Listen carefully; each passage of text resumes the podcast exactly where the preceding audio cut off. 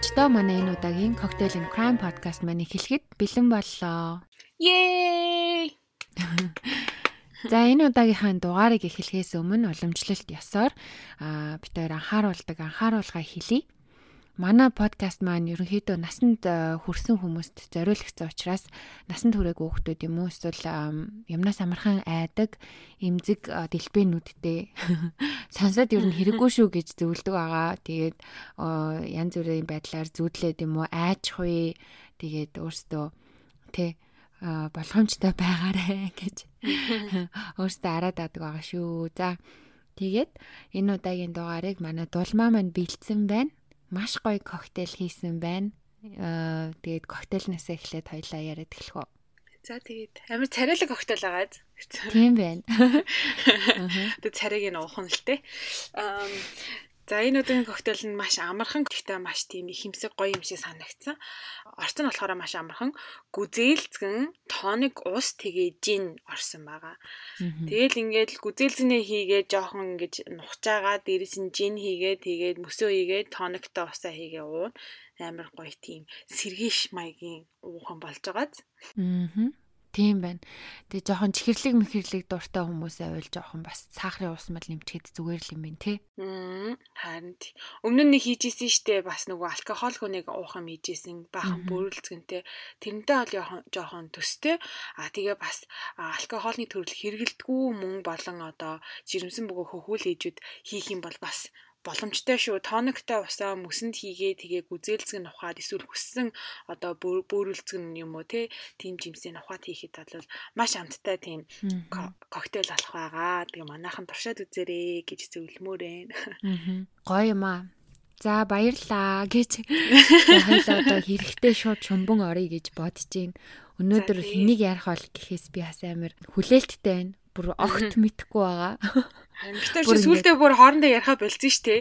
Тий. Тэгээ яг уу нэг хаяа нэг яриул ярина дээ. Тэгэхээр өнөөдрийн дугаарыг бол бүр бит хоёр аач гээгүү тэгэхээр за одоо яг одоо энэ боломжийг ашиглаад аа нэрийг нилээд өгөөч чи. За тгий гэсэн. За тэгээд ер нь бол анханаас нь сонсоод манайхан ер нь бол мэдэх бах, чи ч гэсэн мэдэх бах. Тэгээ энэхүү хэрэг нь 1999 оны 4 сарын 20-нд Колорадо мужийн Columbine хотод болсон хэрэг байгаа. Энэхүү хэргийн гол дүрүүд болох Eric Harris болон Dylan Klebold хоёр байгаа. А тэгээ энэ хоёр нь болохоор тийм нэг ахлах сургуульд хамт явдаг байсан бөгөөд 9 дугаар ангита одоо ер нь 14 15 настай байхдаа татан найзууд болсон хөвгүүд байдаг. А Eric Harris-ийн хувьд болохоор 1981 оны 4 сарын 9-нд төрсэн бөгөөд Kansas мужийн Wichita хотод төрж өссөн байдаг. А тэгээ түүний эцэг нь болохоор нисэх хүчний нисгэгч байсан бөгөөд Eric-ийг баг багт нь маш олон тийшээ ингээд байн байн нүүдэг байсан нь ер нь жоохон тийм нүүдэл судалтай айл. А тэгээ түүний багын зан чанар гэвэл бусдаас тийм онцгой тийм гаж сонон ч юм уу те тийм юм байхгүй ингээл нэг хүүхдээсэн бейсбол тоглох дуртай, хөл бөмбөг тоглодог. Тэгээ бас ер нь бол энгийн л нэг байдаг тийм хүүхэд. За тэгээд 1993 онд түүний эцэг нь тэтгэврт гарч Колорадо мужийн Littleton гих газарт нүүж ирснээс хойш Эрикийн зан ааш нь ер нь өөрчлөгдөж эхэлсэн байдаг. А тэгээ яг хуу тухайн үедээ 12 настай байсан болохоор мэдээжтэй одоо шилжилтийн нас учраас ээж аав нь их амар амар тоогоогүй байдаг. Угаасаа шилжилтийн насан дээр хүүхдүүд амар тийм тогтургүй болж болдог те тийм эм урдаг ч юм уу те нэг өөр болоод эхэлдэг учраас ээж аав нь өөрчлөлтийг нэг амар тоогоогүй байдаг. Eric-ийн найз Dylan Klebold нь болохоор бас адилхан 1981 онд төрсэн 9 сарын 11-нд Colorado мужийн Lakewood хотод төрж өссөн байдаг. Ээж аав хоёрын нь хувьд болохоор тийм үл хөдлөх хөрөнгийн бизнестэй тийм баян одоо хөрөнгөтэй айлч биш гэсэндээ ер нь бол боломжтой тийм гайгүй айлын хүүхэд. А тэгээд Dylan хичээл номондоо сайн байсан бөгөөд бага ахта бүр гоц хавьяастай хүүхдийн тийм програмд хүртэл суралцж исэн юм билээ. За тэгээ мөн л адил нэг одоо хичээл номондоо сайнаас өөр тийм гоц сони юм байхгүй. Бейсбол спортыг сонирхдаг дуртай. Тэгээ хичээлдээ гарамгийн өртлөө бас ер нь жоохон ичимхий нэгэн байсан. За тэгээд а Eric Dillon 2 9 дугаар ангитай танилцаж татан нөхөрлөж эхэлсэн байдаг. За тий тэр хоёр тийм ижилхэн сонирхолтой байсан нь одоо хоёулаа тий видео тоглоом тоглох, тэгэл компьютер болон видеограф юм сонирхох тийм а одоо нэг ижил сонирхолтой тэрүүгээрээ ингээ хоорондоо ингээ найзалж эхэлсэн байдаг. Тэрнээсээ улбалаад Тэгээ мөн бас нэг тэр хоёрыг холбдог байсан сонирхол нь болохоор а видео гейм байдаг, видео тоглоом. Мэдээж угаасаа тухайн үед ер нь одоо ч гэсэндээ тий ингээд өсвөрийн хүүхдүүд видео тоглоомыг маш ихээр тоглодог. Мэдээж одоо адилхан өсвөр насны хүүхдийн чинь бусдаас юугаар татах вэ? Эрик Дилэн хоёр бас тиймэрхүү тоглоомоор амар их тоглодог. Тэгээ тэр тоглоомныхоо одоо сонирхол сонирхлоор нэгдэж бас амар сайн найзууд болсон байдаг. Мөн одоо видео гейм компьютер гэхээсээ илүү тэр хоёрыг одоо нэгтгэж чадсан ёстой чин зүйл нь болохоор сургууль болон сурагч одоо сургуульд ирэх байх одоо ангийнхаа хүүхдүүдийг үзэн ядах сэтгэл нь тэр хоёрыг бүр нөхөрлөлийн одоо үндэс олж өгсөн байдаг. Тэгээ ялангуяа одоо ахлах сургуулийн ахлах болон дунд сургуулийн дунд байх одоо jog culture гэж байдаг Америкт тий. Одоо jog соёлыг одоо яаж тайлбарлах юм бэ? Нэг юм Амери одоо Америкийн өсвөр насны үеийнхний тухай кино ингээл үзэхээр нэг гардаг та дандаа ингээл нэг хөл бөмбөг тоглолдог, сакс тоглолдог, эсвэл ингээл нэг хамгийн гайгүй баян баян айлын, чинэлэг айлын хүүхдүүд ер нь жоохон popular те сургуультай юм алдартай хүн болгон дуртай тийм хүүхдүүд байдаг. Тэр хүүхдүүд нь одоо хичээлээ сайн хийдэг, нүдний шил зүүдэг, эсвэл энэ номын тийм дууга хүүхдүүдийг тийм дээрлэгдэг те яг кинонд гардаг шиг тэр явдлыг ер нь бол Америкт ингээд jog culture гэж хэлдэг. Тэгээд Dylan Eric хоёр болохоор өөрсдөө тэр jog culture-ийн одоо хохирогч нар ахгүй. Дандаа нөгөө тийм хүүхдүүдэд сургууль дээрээ дээрлэхүүлдэг байсан болохоор тийм учраас одоо сургуулийнхаа хүүхдүүдийг үзэн ядж ихэлсэн. Тэгээд тэр сэтгэлээсээ болоод хоёлоо хоорондоо ингээд найзалж ихэлсэн гэх юм да тэр хоёрын одоо нөхөрлийн яг гол чин үндсэн нь олж аа өгдөг байгаа. Тэр одоо job culture-с болоод өөртөө дээрлэхүүлснээсээ болоод бас ингээд сургуулийнхаа trench coat mafia гэдэг тийм бүлгэмд бас нэгдсэн тийм хоёр байсан. А тэр бүлгмийнх нь нэр нь болохоор trench цув те одоо нөгөө нэг юм одоо борны цув шиг нэг цув байдэн штэ нөгөө боронг те тийм цув тэгээ тэгж өмсдөг тийм бүлгэм. Тэгээд ер нь бол сургуулийн тийм содон сонин өвөрмөц байдаасаа болон шовдрлогдсон тийм хідэн хүүхдүүд нийлдэг одоо бүлгэм. А тэрийга тэгээ trench coat mafia гэд нэрлэлсэн. Одоо тэгээ тэдний зорилго нь болохоор жокуудын эсрэг байх гэх юм уу та. За тэгээ тухайн үед угаасаа 1990-ад онд байсан нэлээд хүнд байсан үе ах киноноос нь угаасаа тэр оны тэр үеийн одоо киноноос ч амар их харагддаг. Тэр хоёрын явдаг байсан Columbine ахлах сургуульд бас тиймэрхүү байдал тийм амар өргөнд дэлгэрсэн байдалтай байсан. Багш нар нь ч гэсэндээ ингээд сургууль хүмүүжүүлэгч нар хүртэл ерөөсөө юм арга хэмжээ авдаггүй гэх юм уу да. Өөртөө хүртэл бараг ингээд багш нар нь юм жоохон ном ном ном хүүхдүүдээгаа тий гайгүй хүүхдүүдтэйгээ нийлж бараг дээрлэгдэг юм шиг болчихсон байсан гэж байгаа аахгүй тэр сургууль. За тэгээд Eric Dillon 2 дотн найзууд болон хэрэг төвөгт орооцолтон одоо сахилахгүйдэж эхэлсэн байдаг. Тэгээ тэр хоёрын ингээд сонирхлууд ингээд хамтдаа нийлсэнээс хойш бүр амар өргөнд хилж эхэлсэн. Тэр өргөнд хилээд одоо хоёулаа герман хэл болон герман улсын түүхийг маш гүн гүнзгий судалж сонирхог болсон байдаг. А тэгээ дээрээс нь герман рок хөгжим сонсдог. Тэгээ бас свастика буюу тий хас тэмдгээр хувцас хунраа гоёх болсон бөгөөд им хит хитэн удаа нөгөө Heil Hitler гэдэг нацистууд нөгөө гитлэрэдтэй ингээл мэдлдэг ёс эдэн штэ. Тэрэн шиг ийм маш олон удаа тийм одоо найзуудтайгаа хамт боулинг тоглож байгаад ч юм уу эсвэл ингээл хөгзөн мүзэр тоглож ангуудаа хожиж мачхаараа дандаа Heil Hitler гэж орилдог болсон гэж байгаа байхгүй юу. Тэгээ ингээ Гитлерийг амар сонирхож эхлэе тэр хоёр хоёлаа. За тэгээ хин Эрик бас ингээд амар тийм компьютерт амар сонирхолтой хөвгтэйсэн. Тэгээ 1996 онд 15 настай байхдаа тийм хувийн өөрийн гэсэн нэг юм цахим хуудас нээдэг байгаа. А тэр цахим хуудасных нь одоо гол зорилго нь болохоор тэр хоёрын тоглолдог тоглоом одоо видео тоглоом биш үү? Doom гэдэг нэртэй тийм тоглоомын үе шатнуудын тухай бичих байсан. Одоо энэ энэ үеийг ингэж даваа биш үү, тэгж даваа биш үү. Одоо нэг ёсондоо зүгээр нэг блог байгаа байхгүй юу? Тэгээд энэ цахим хуудас нь хамгийн анх тэгэж одоо тоглоомны видео тоглоомны тухай блог болон эхэлсэн боловч удалгүй Эрик тэр цахим хуудасаа өөрийн одоо хувийн блог буюу баг өдрийн тэмдэглэл мэд хэрэглэж эхэлсэн байдаг. А тэгээ ер нь бол өдөр тутам ч юм уу бараг ингээд өөрийнхөө хувийн тэмдэглэлээ бичиж ингэж нийтэлдэг.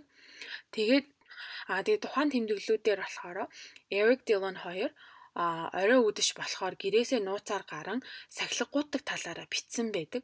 А тэгээ тэр үед Eric ийм солиотны дэлгүүрт ажилладаг, солиот зардаг дэлгүүрт ажилладаг байсан. Тэгээд ажиллаараа дамжуулаад ингээд амар тийм том том ийм авраг солиотнууд ингээд авчихсан. Тэгээд орой үдэш болохоор шүн дөлөөр дийлэн тэр хоёр гарч ин тэндгүү ингэж а солиод буудуулан одоо түүнийхээ тухай цахим тэмдэглэл дээр бичдэг болсон байгаа. Тэгээ угаасаа Америкт чинь хамаагүй солиод буудуулж болдоггүй шүү дээ. Ялангуяа тийм том том солиодыг ер нь бол хуулаараа хоригдсан. Мужуудын хууль өөр ч гэсэндээ ер нь бол хоригдсан байдаг. Тэгээ тэр хоёр ер нь бол ингээ харанхуй шинээр гарч айлын тий байшин байшингийн хажууд ингэж солиод буудаж сахилгуудаж эхэлсэн байдаг барууны орнуудын сургуулиудад нөгөө маскот гэж байдаг. А тэр нь одоо юу хийн монголоор тайлбарлах юм бол одоо сургуулийн бэлэг тэмдэг гэх юм уу да тий. А нэг тиймэрхүү амтэн ч юм уу эсвэл тийм нэг характер байдаг тий.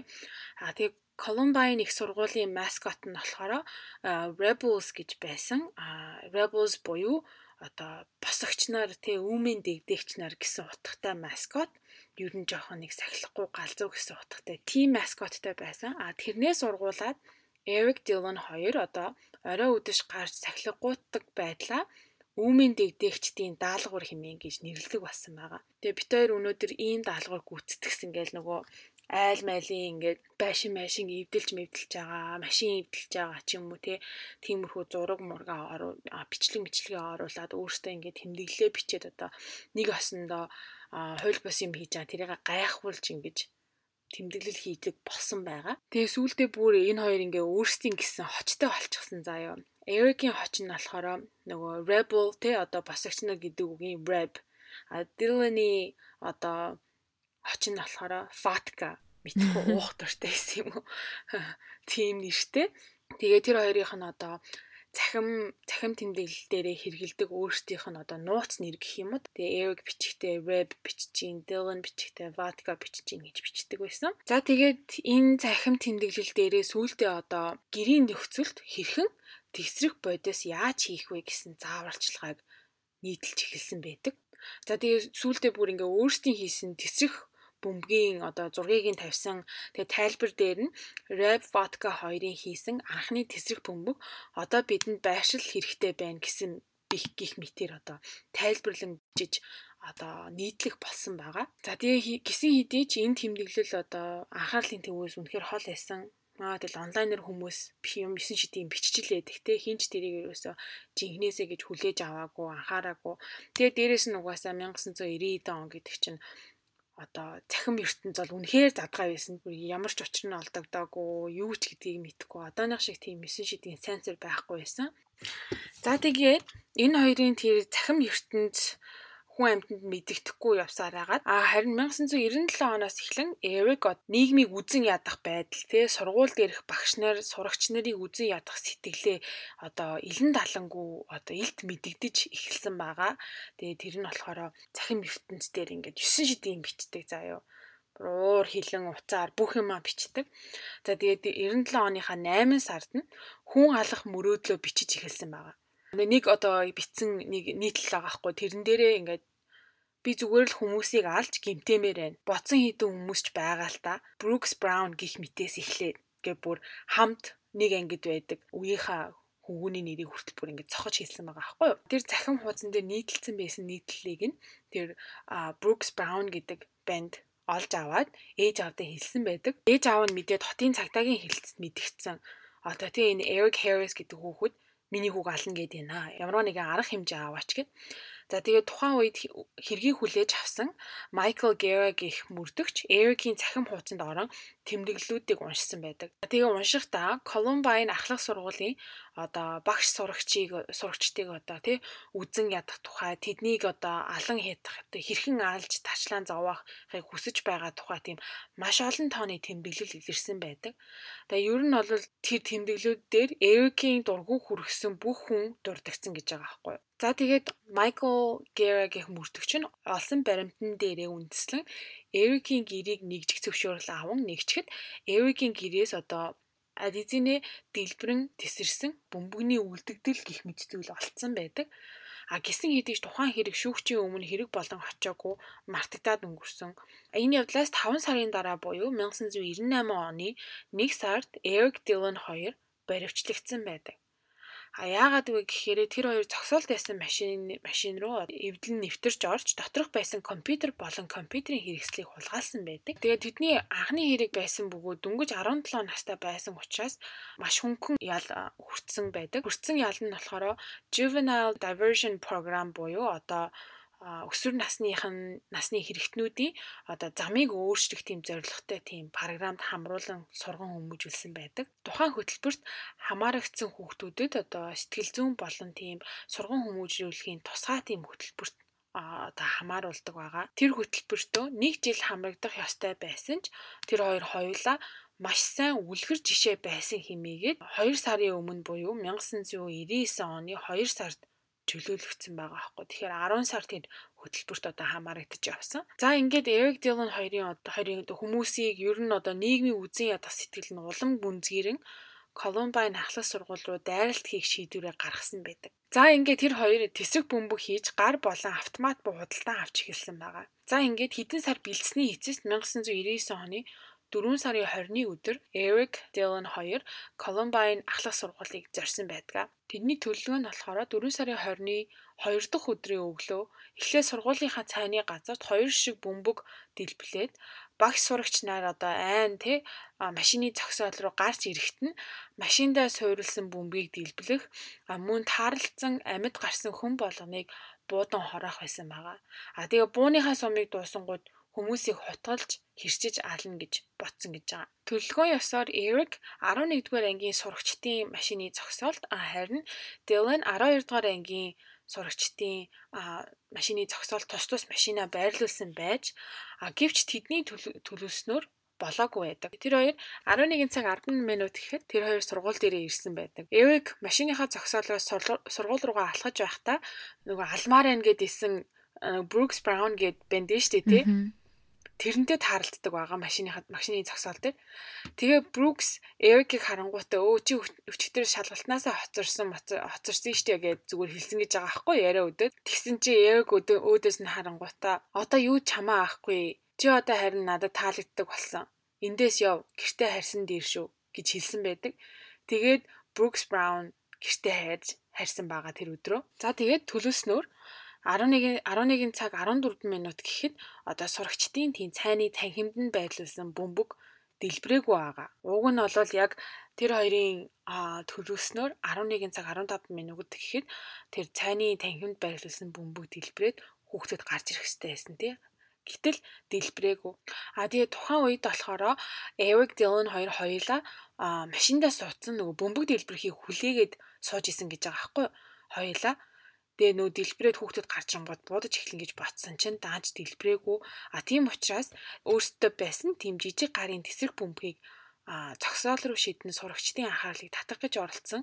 А тэгсэн чинь нөгөө нэг бөмбөг нь гэрийн аргаар хийсэн. Тэгээ хагас хугас дэлбэрсэн бөгөөд сурагч нар харангуйтаа зүгээр тоглоом гэж утсан гэж аахгүй бүгдээрээ инээгээд тэгээд сурагчдын цайны танхимд байрлуулсан бөмбөгнж дэлбэрээгүй өөрсдийнх нь тэр машины зогсоол дээр шийдсэн гар бөмбөгнж дэлбэрч өдөг хүмүүсийн анхаарлыг татаж чадаагүй учир тэр хоёр шууд цайны танхимд орон хүмүүсийг буудаж алхаар шийддэг. 11 цаг 19 минутаас 11 цаг 23 минут 4 минутын дотор ер нь бол а тэ цайны танхимын танхим руу орох коридор тэр шатан хэсэг болон шаттай хэсэг болон одоо үүд хэсэг сууж байсан сурагч нарыг буудаж эхэлсэн байдаг. А тэгээ хүмүүсийг буудан хөнөөж байхдаа тэр хоёр одоо хэлсэн үг нь болохоор энэ бол бид бидний хийхийг хүссэн зүйл үнэхээр гайхалтай байна хэмээн бүр ингээд баярлан орилож орилоод ингээ хүмүүсийг бодож исэн гэж байгаа байхгүй. Амар агаад дэ бүр амар. Тэгээ бид нар зураг мөргийг харсан чи яг ингээд яг нэг Америкийн сургууль хаа ингээд харагдаад нэг өөрийнхөө явж исэн хай скулыг бодоод амар эвгүй санагдаад. За тэгээд 11 цаг 23 минут гэхэд цагдаагийн газар дуудлага орж ирэн. Цагдаа нар хэргийн газар дээр ер нь очиж эхэлсэн байгаа. За тэгээд ингээд цагдаа болон Eric Dillon нар буудалтаж эхэлсэн байдаг. Энэ үед ямар ч цагдаа гэмтээгүй азуулж а тэгээд 5 минутын дараа буюу а бараг 11:30 болж байхад Eric Dillon хоёр сургуулийн номын санд орсон байгаа. А тухайн үед номын санд 52 сурагч, 2 багш, 2 номын санч а нийтдээ ингээд 56 хүн байсан байгаа. Бүгд тэгээ айгаад ингээд ширээн доороо орон нуугцсан. За ингээд 11 цаг 29 минутаас 11 цаг 36 минут хүртэл тэнд байсан хүмүүсийг нэг нэгээр нь агнах маягтай буудан хөнөөж эхэлсэн байгаа 7 минутын цавь. Тэр хоёр ороод ингээд хүмүүсийг одоо айлган сүрдүүлж эхлэхдээ те энд байгаа спортын малгай өмссөн бүхэн өгсөн гэж мэдэрээ гэсэн байгаа. Сурагчдыг ингээд нэг нэгээр нь алж явахдаа тэр хоёр бүр ингээд хоорондоо юм яриад эсвэл тэр алах гэж байгаа сурагчтайгаа ч гэсэн юм яриад ингээл асууж исэн гэж байгаа байхгүй. Valley гих нэг охиноос охиныг буудахад тэр охин мэдээж өвдөөл те. Oh my gosh бурхан мингээл орилсон чинь хин Эрик хурж ирснэ чи бурханд итгэдэггүй яагаад итгэдیں тэр чин гомош чи мдээгүй мүү химээ ярьжсэн гэж байгаа байхгүй тэгээд бас нэг юм хар арьстай сурагчийг буудан алахта эвөө энэ мүү те нөгөө энэ энэ үсгээр эхэлсэн үг гэдэг нь шүү дээ. Тэр мөрөөгөр дуудаж муудаад чи угаасаа өөхөх ёстой мостой гэд буудаж алсан гэж байгаа байхгүй. Бас нэг Daniel Mauser гих хөвгүнийг одоо нуугдсан ширээн дээр нь одоо ширээг нь буутсан чинь тэр тэр бандийн ингээд гарыг нь гимтэхэд Даниэл одоо реакцнда Эрик рүү шууд дайрсан гэж байгаа байхгүй. Тэгээ Эрик рүү дайрж яхад нь шууд өөдөөс нь Эрик чанх нүүрлүүн ингээд бүр бууга тулгаж агаад нүрийг ингээд байхгүй болтол нь буудаад алсан гэж байгаа. За тэгээ энэ хүү тэр хоёр 10 хүнийг буудан хөнөөж 12 хүнийг эмтээсэн байгаа. Тэгээ номын сангаас гарч яван буцаад цайны танхим руу хочин тесрэх бөмбөгийг дэлбэлэх гэж оролцсон боловч тэр нь бас амжилттай болоогүй. А тэр хугацаанд номын санд байсан бусад амьд үлдсэн хүмүүс цухтаан гарч чадсан байгаа. За тэгээд 12 цаг гэхэд тэр хоёр буцаад номын санд орж ирсэн бөгөөд 12 цаг 8 минут гэхэд Eric Harris болон Dylan Klebold хоёр өөрсдөө буудан амиа юутгсэн байдаг. Хоёулаа өөрөө өөрсдийнхөө бууг яг ингээ аман дээрээ барьж агаад бүр тархиа задлаа ботчихсон байдаг. За тэгээ Колумбайн ахлах сургуулийн дайралтанд зориулж Eric Dillon хоёр 99 ширхэг тесрэг бодис 9 төрлийн жижиг болон том хэмжээний буу дөрвөн ширхэг хутга бэлдэн 12 сурагч нэг багшийг хөнөөсөн байна. За тэгээ яагаад энэ хэрэг гарах болвоо гэдэг асуултанд бол 100% хариулт байхгүй. А гисэн хэдий ч тийм маш олон онол байдаг. Тэгэхээр энэ онолууд нь болохоор бас би уншиж хахад ер нь бол биднэрт амар хэрэгтэй тий ирээдүйд одоо ээж авах болох хүмүүс эсвэл өөртөө ээж аавууд байгаа хүмүүс ер нь жоохон авах юм аваа хаях юм хаях тийм сургамжтай зүйлүүд гэж би бодож гин тэгээд манайхан сонсоод сонсоорой. Маш олон хүмүүс одоо маш олон мэрэгчлэтнүүд ингээд санал дэвшүүлэхэд нэгдүгээр болохоор тэр хоёрыг сэтгцийн өвчтэй байсан гэж дүгндэг байгаа. А Эрик нь болохоор clinically psychopath. А харин Dylan сэтгэл санааны гүн готролд орсон байсан. А тэгээ хоёулаа сэтгэл засах тийм хүчтэй юм муудаг байсан. Тэдний зан характерт нөлөөлсөн байх болзошгүй гэдэг. А тэгээ энэ хоёрын одоо тэр сэтгэл санааны өөрчлөлт юунээс одоо үүссэн бэ гэхээр а Дилоны хувьд болохоор тийм баг наснд нь бол нэг амар одоо юу хиймдээ тийм сонин содон үйл явдал ер нь бол тохиолдож байгаагүй өөрийнх нь одоо сэтгэл санаанд тэгэж амар хүчтэй нөлөөлөх сэтгэл санааны тийм гутралд ордог хүүхдээсэн юм билэ. А Эрикийн хувьд болохоор багтаа амир тийм яриа хүрээтэй хүүхэн хүүхэд байснаа гинт сонин босно нь одоо тэр аавынх нь ажлаас болоод ингээ байн байн ийшээ тийшээ нүүдгээс шалтгаалсан байх гэж үздийм байлээ. Яагаад гэвэл нэг газар ороод дөнгөж өсөр насны хүүхэдтэй өөрийгөө олох гэж ядж байгаа. Хорвоо дэлхий дээр өөрийнхөө орон зайг өөрийгөө хэн би хэн бэ гэдгийг мэдэх гээл өөрийгөө найзуудыг хэн бэ гэдгийг мэдгээд ядчихахт нь нэг сургууль дээр очиод хідэн сар сурна. Тэгээл аваал нүүчин дахиад шинэ сургууль дээр очиод дахиад нөгөө нэг хийсэн юм а тавтан хийгээд ингээд ямар ч өөрийн гэсэн одоо зан характер нь одоо бүрэлдэхгүй өөр нь өөрийнх нь сэтгэл санаа нь амар тийм тогтургүй байсан байсны улмаас одоо ингээ сэтгэл санааны өөрчлөлт өөрчлөлтөнд ороод тийм хүчтэй сэтгэл засварлын эм муудаг болсон гэж байгаа байхгүй. Тэгээ яг хөө тэрэн дээр ингээ харахад бас хүүхдийн хүмүүжил гэдгийг амар хэлж өгж байгаа ах гэж би бодож байна. Хоёр дахь зүйл нь болохоор дээрлэхэлт. Одоо тэр ярьж ирсэн те нөгөө тэдний тэр Columbine ахлах сургууль дээр job culture те маш өргөн байсан бөгөөд багш нарын ч хүртэл ингээд хизээж арга хэмжээ авдаггүй өөртөө бараг дунд нь орчихсон те. Тэгэл одоо гайгүй спорт тоглодог олны дунд нэртэй сайтай хідэн дандаа ингээл номынхаа номын хэдийга дээрлэгдэг. Тэгэл тэр байдлыг ин хинч зогсоохгүй болмаас Эрик Дилон хоёрын одоо сэтгэл санаанд хүчтэй нөлөөлж ийм хэрэг гарах одоо нөхцөл байдлыг бүрдүүлсэн байх. А гурав дахь одоо тэр хүмүүсийн таамаглал нь болохоор улс төрийн терроризм гэж байгаа байхгүй. А яга халлага болсон өдөр нь болохоор одоо Гитлерийн төрсөн өдөр байсан. 4 99 оны 4 сарын 20. Тэгээ тэр хоёр болохоор яагаад бас 4 сарын 20-ыг сонгосон бэ гэсэн чинь одоо Гитлерийг амар тий бараг одоо шүтдэг обсест байсан болохоор тэгэж албаар сонгосон ба.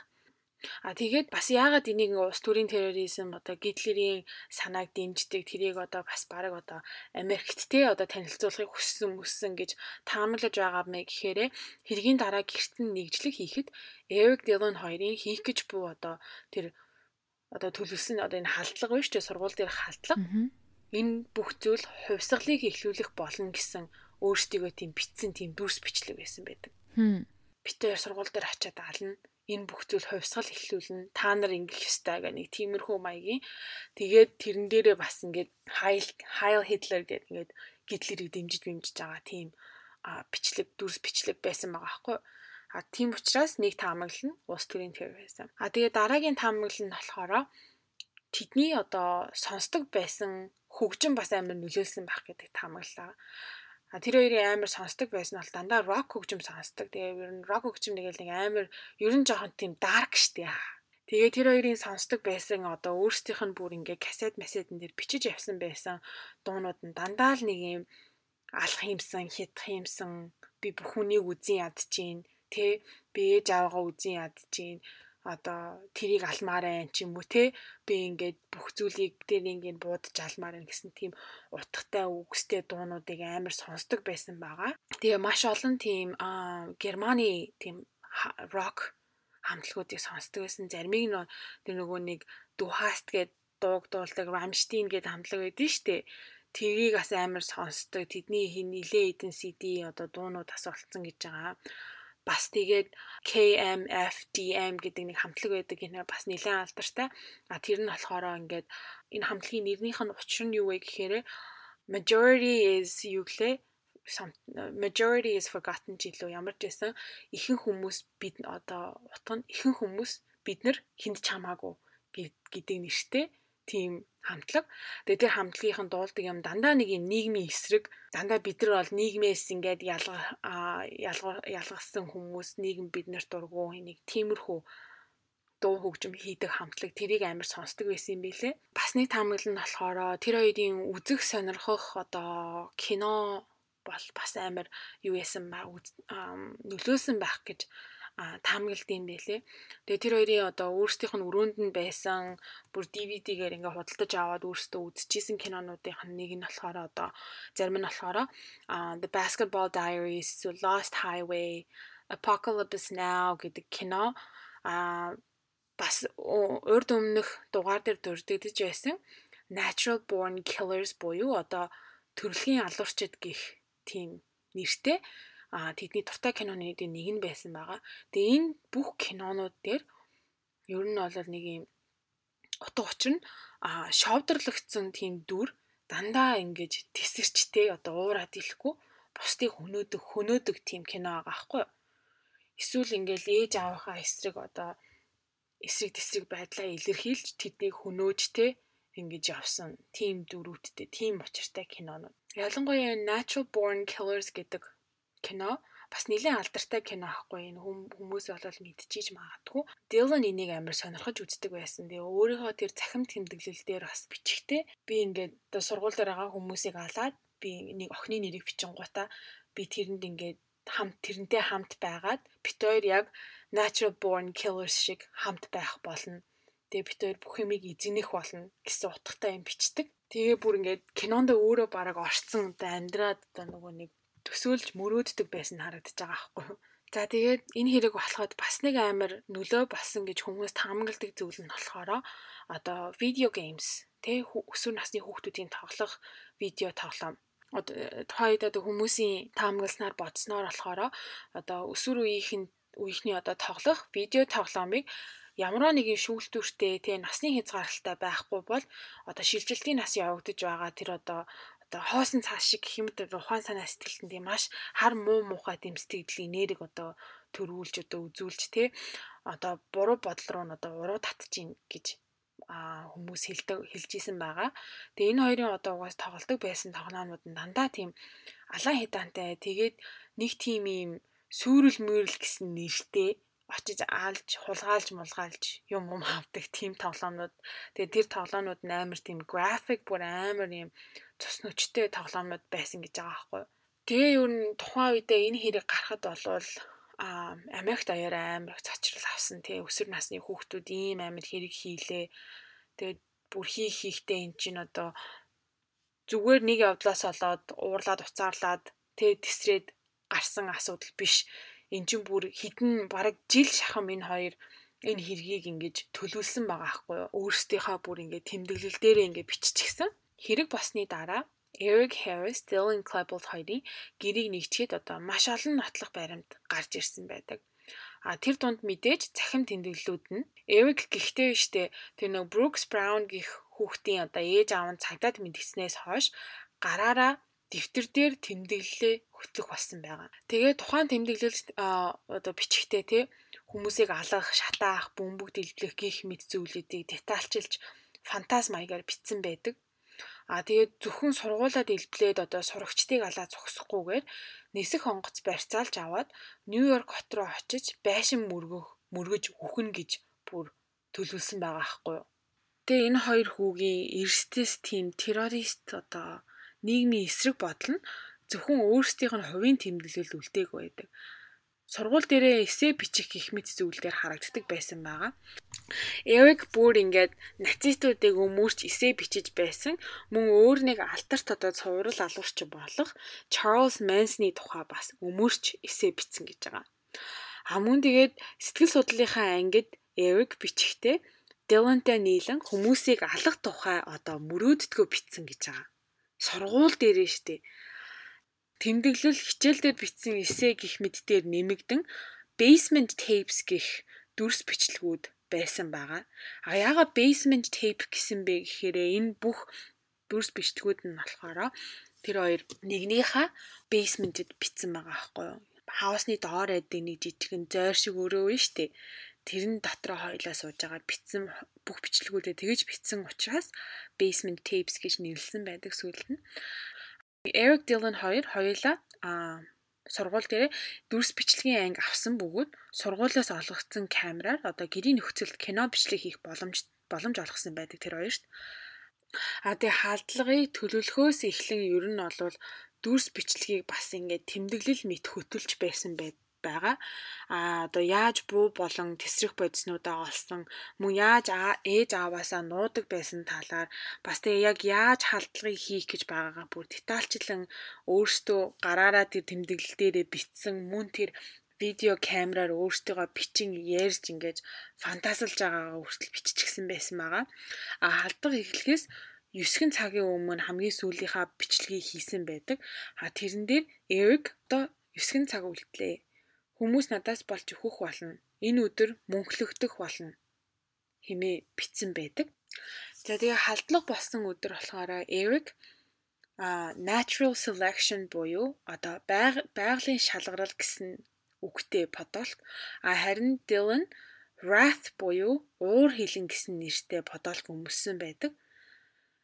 За тэгээ нөгөө 1998 онд нэг нэг сард нөгөө баригдсан штэ энэ хоёр чинь нөгөө машинаас юм хулгайлаад Тэгээ тэр жилдээ одоо yearbook буюу нөгөө Америкийн сургуулиудад те тэр оны одоо бүх одоо төгсөгч нарын зургийг авахсан агуулсан тийм ном гардаг те.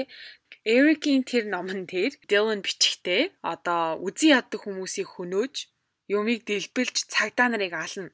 Нэгдүгээр сард мэдэрсэн уур хилэн маань бурхан шиг хүчтэй гарч ирнэ. Тэгснэ цайны танхимдах өшөө авалтыг яриач хэрэггүй гэж бичсэн байдаг. Тэгээ бүр юм жилийн өмнө аль хэзээ төлөвлөө зохиогоод бодоод боловсруулад эхэлж исэн байгаа байхгүй энэ хоёр.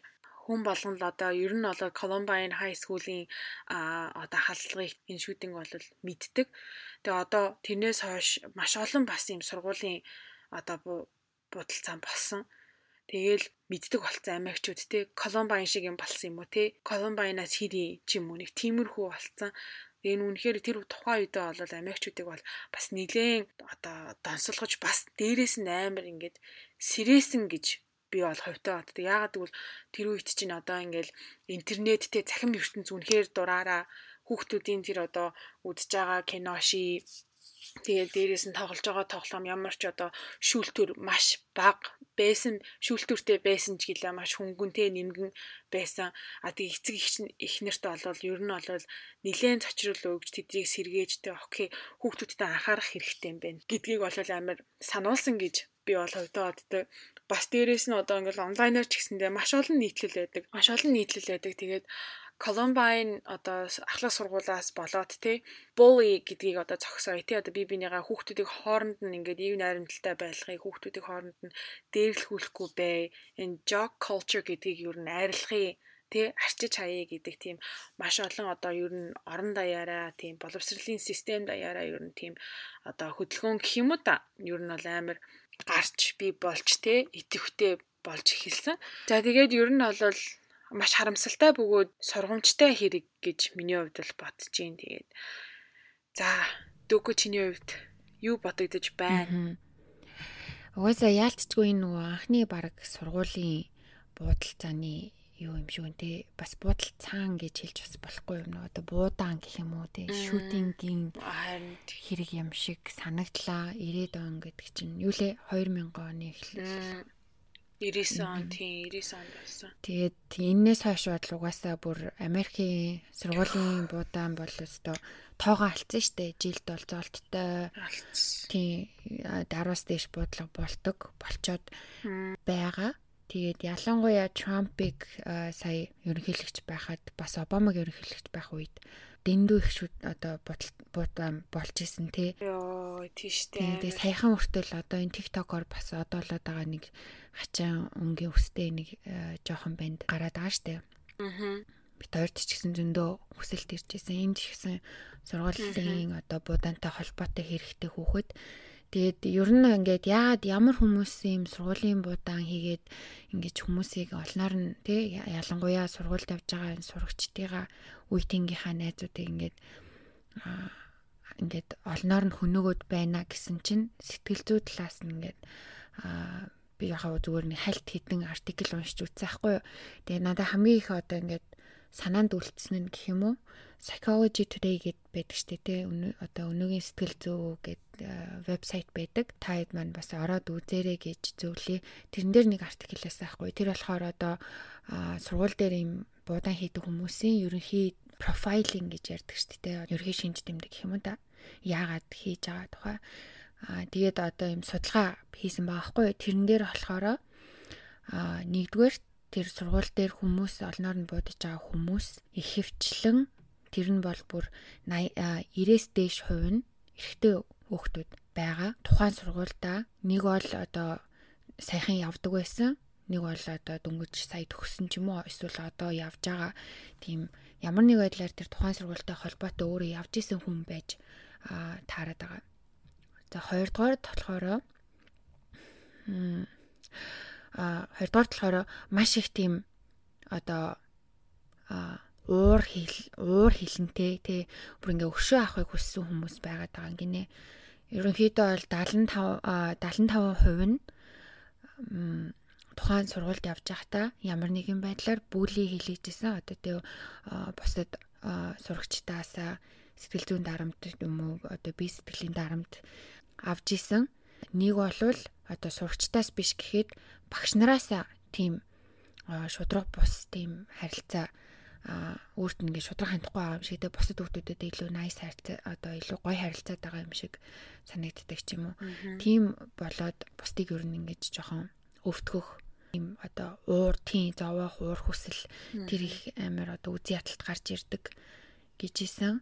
А 3 дугаар болохоор ерөнхийдөө socially awkward буюу одоо нийгэмдээ одоо нэг сайн нийгэмшиж чаддгүй тий бусдтай ингээд илэн далангуу өөрийнхөө байж чаддгүй. Тэгээд тийм учраас ч тэр юм уу өөрсдөө ингээд өөрийгөө бусдаас ингээд холдуулаа зайгаа барьчихдаг тиймэрхүү төрлийн хүмүүс байгаад байгаа байхгүй юу? дөрөвдүгээрт болохоор одоо энэ медиагаар гарч байгаа тий эсвэл одоо кино шиг хамаг юм дээр гардаг энэ одоо юмнуудыг үзээд дуурай даган дуурайх copycat гэж ярьдаг тий даган дуурайх зүйл болдог. А 5 дугаарт яаж ийн гэхээр дэж бит хоёрын одоо хэрэг болгон дээр ярьдаг гэр бүлийн асуудалтай хүүхдүүд байж таардаг. Ямарваа нэг байдлаар насан турсан хүний одоо хайр халамж бөгөөд хамгийн чухал нь анхаарал байдгүй. Хинч тэр хүүхдийг одоо анзаарч анхаардаггүй. Хинч тэр хүүхдэд хүй хай гэдэг сэтгэл одоо санаа тавьдаггүй. Улмаас нэг тийм орхигдсон ч юм уу тийм байгаад бүр ингээд буруу зам руу яваад өчгсөн ч юм уу.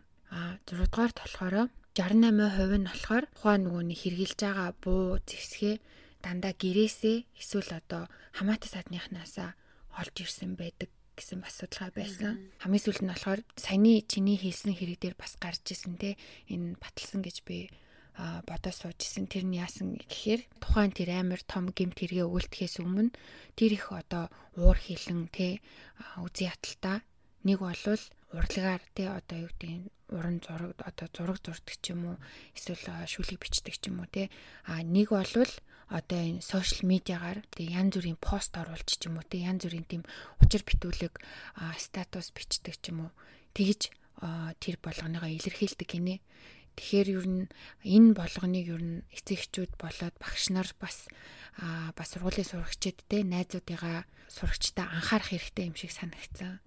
Ямар нэг байдлаар ер нь нэг юм амар игцэгтэй яг юм тийм өчтөө нэг том хэрэг хийхийнхээ өмнө хүмүүс нэг юм пост мост оруулсан мэдэн шүү дээ. Тэгэл тэр мөр нь айгүй хожимдсан сүлд нь гарч ирдэг.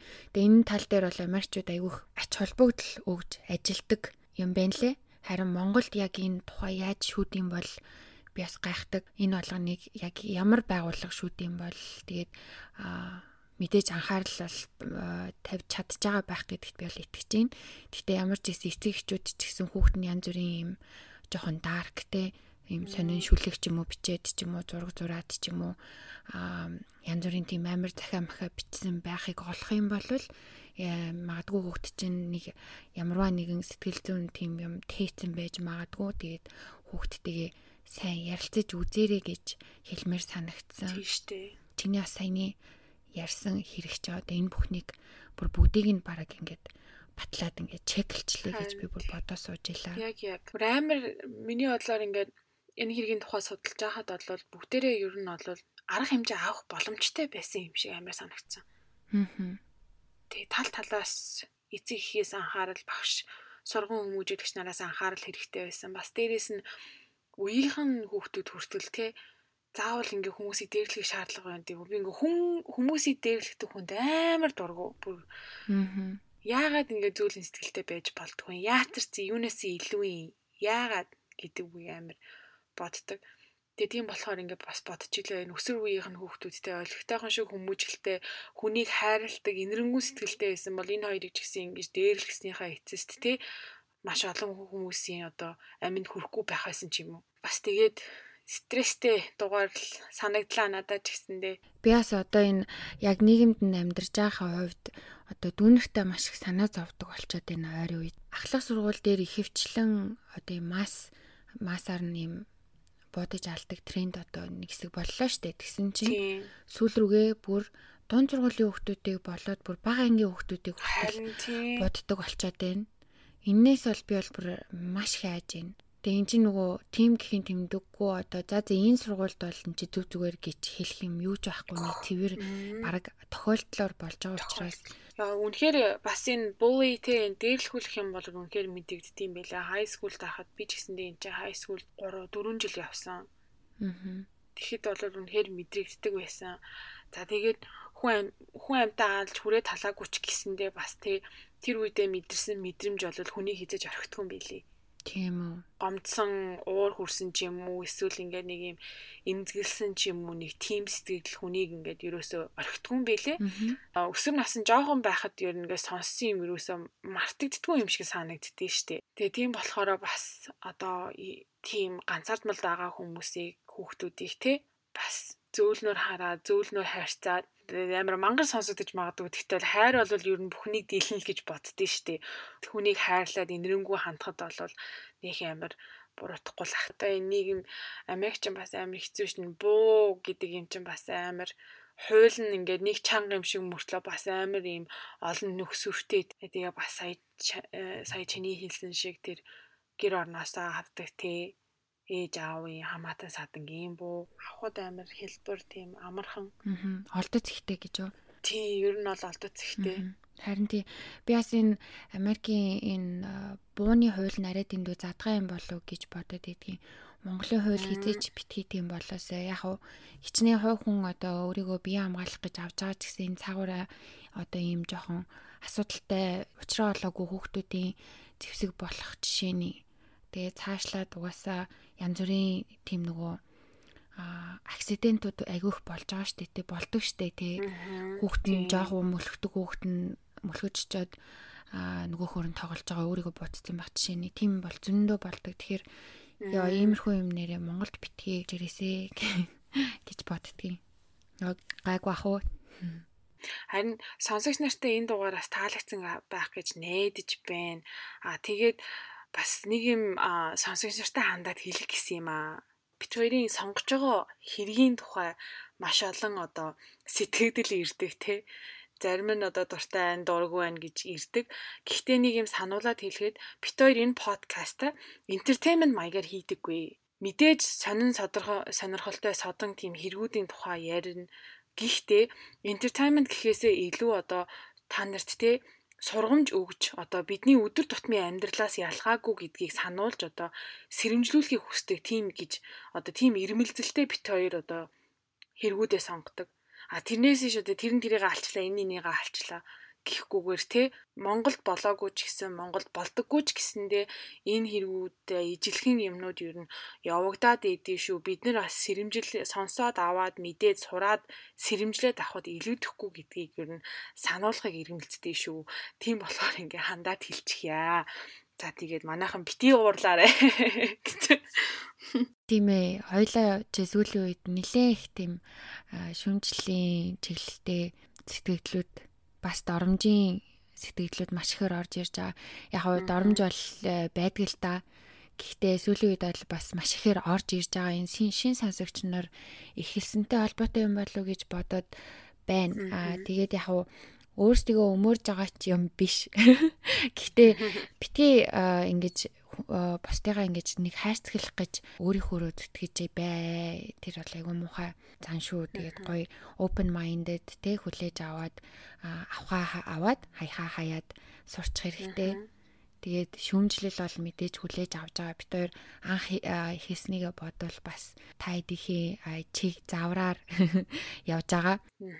Тэгээд хэрвээ та одоо бит хоёрын ярьж байгаа сэдвийг эхлүүлээд сэдвэн таалагдахгүй байвал дараагийн сэдвийг сонгосоод үзээрэй те. Сонголт бол мэдээж үргэлж таны гарт шууд унтраачих. Ерөөсөө бити ингэж бусдыгаа мухагаар доромжлоо. Битээр нөгөө өөртөө чаавас нөгөө сэтгэл зүрхтэй юм болохоор тэгээд жоохон имзэглэх юм уу гэхгүй юу? Тэгтээ гайгүй. Өө хаяа имзэглүүл имзэглэн штэ тэгэл имзэглэхгүй бол имзэглэхгүй. Гэхдээ сая хэлсэн шиг хүний чиний хэлсэн үг хүний сэтгэлийг хизээж орхитгүй шүү. Хил амаа зүгээр бодолтой л хэлчихгээ хэлчмээр байна. Би арай муухай хэлж уучлаарай. За за бит хоёр жоохон гомдлын мөр тэйчлээ. Аа тэгээд энэ хүртэл сонссон хүмүүс байвал хэн байдаг вүлээ гэж. MVP Yes. Сүүлийн дугаарт хэлээгөө уучлаарай үнэхээр мартчихсан байлээ. Тэгээ энэ удаа тэгээд давтаад хэлчихье. Энэ дугаарыг дуустал нь сонсон хүн байх юм бол чи бол MVP ах гэж хэлчихье. Зөндөө олон хүмүүс нэрээ MVP гэж юу юм бэ гэж асууцсан дээ. Нөгөө битэр уртны бол нэг удаа тайлбарлаж ирсэн. Тэгэхээр дахиад гяс тайлбарлчихъя гэж бодож байна. MVP гэдэг нь болохоор ерөөхдөө бол спортынх нь л их хэрэгэлдэг дээ. Ерөөхдөө саксныхаа их хэрэгэлдэг most valuable player гэж тэр гурван үгний товчлсон нэр. Тэгээ яах вэ гэхээр энэ тоглогч нь одоо гол хамгийн гол үүрэг ролтой мундаг тоглогч гэсэн үг. Тэгээ яг бит хоёр та нарыгаа одоо та нар минь үгүй бол бит хоёр юу вэ гэсэн үндсэн дээр MVP-нүүд одоо ингэж дуустал нь сонсдсон байлээ. Тэгээ хүмүүс угаасаа нөгөө дундаас нь сонс одоо эхэлж сонсчод яг хэрэгээ сонсчод гардаг хүмүүс байдаг. Тийм учраас яг одоо MVP хүртэл сонсдог хүмүүс нь та нар шүү. Аа. Мэд мэддэм байлаа угаасаа хэлсэн хэлээгүй гэд манай эд чинь нөгөө нэг загнаад идэм билээ. Тийш дээ. Хэлсэнгөө гэдэг. Харин тий. За за та хэд маань сонсож байгаа сонсож байгаа газараа а дуртай байвал лайктараад дургүй байвал дислайк дараад ямар ч гэсэн бит хоёрт ямар байгаагаа илэрхийлээрэй. За тэгээд дараагийн дугаар хүртэл түр баяртай. Bye.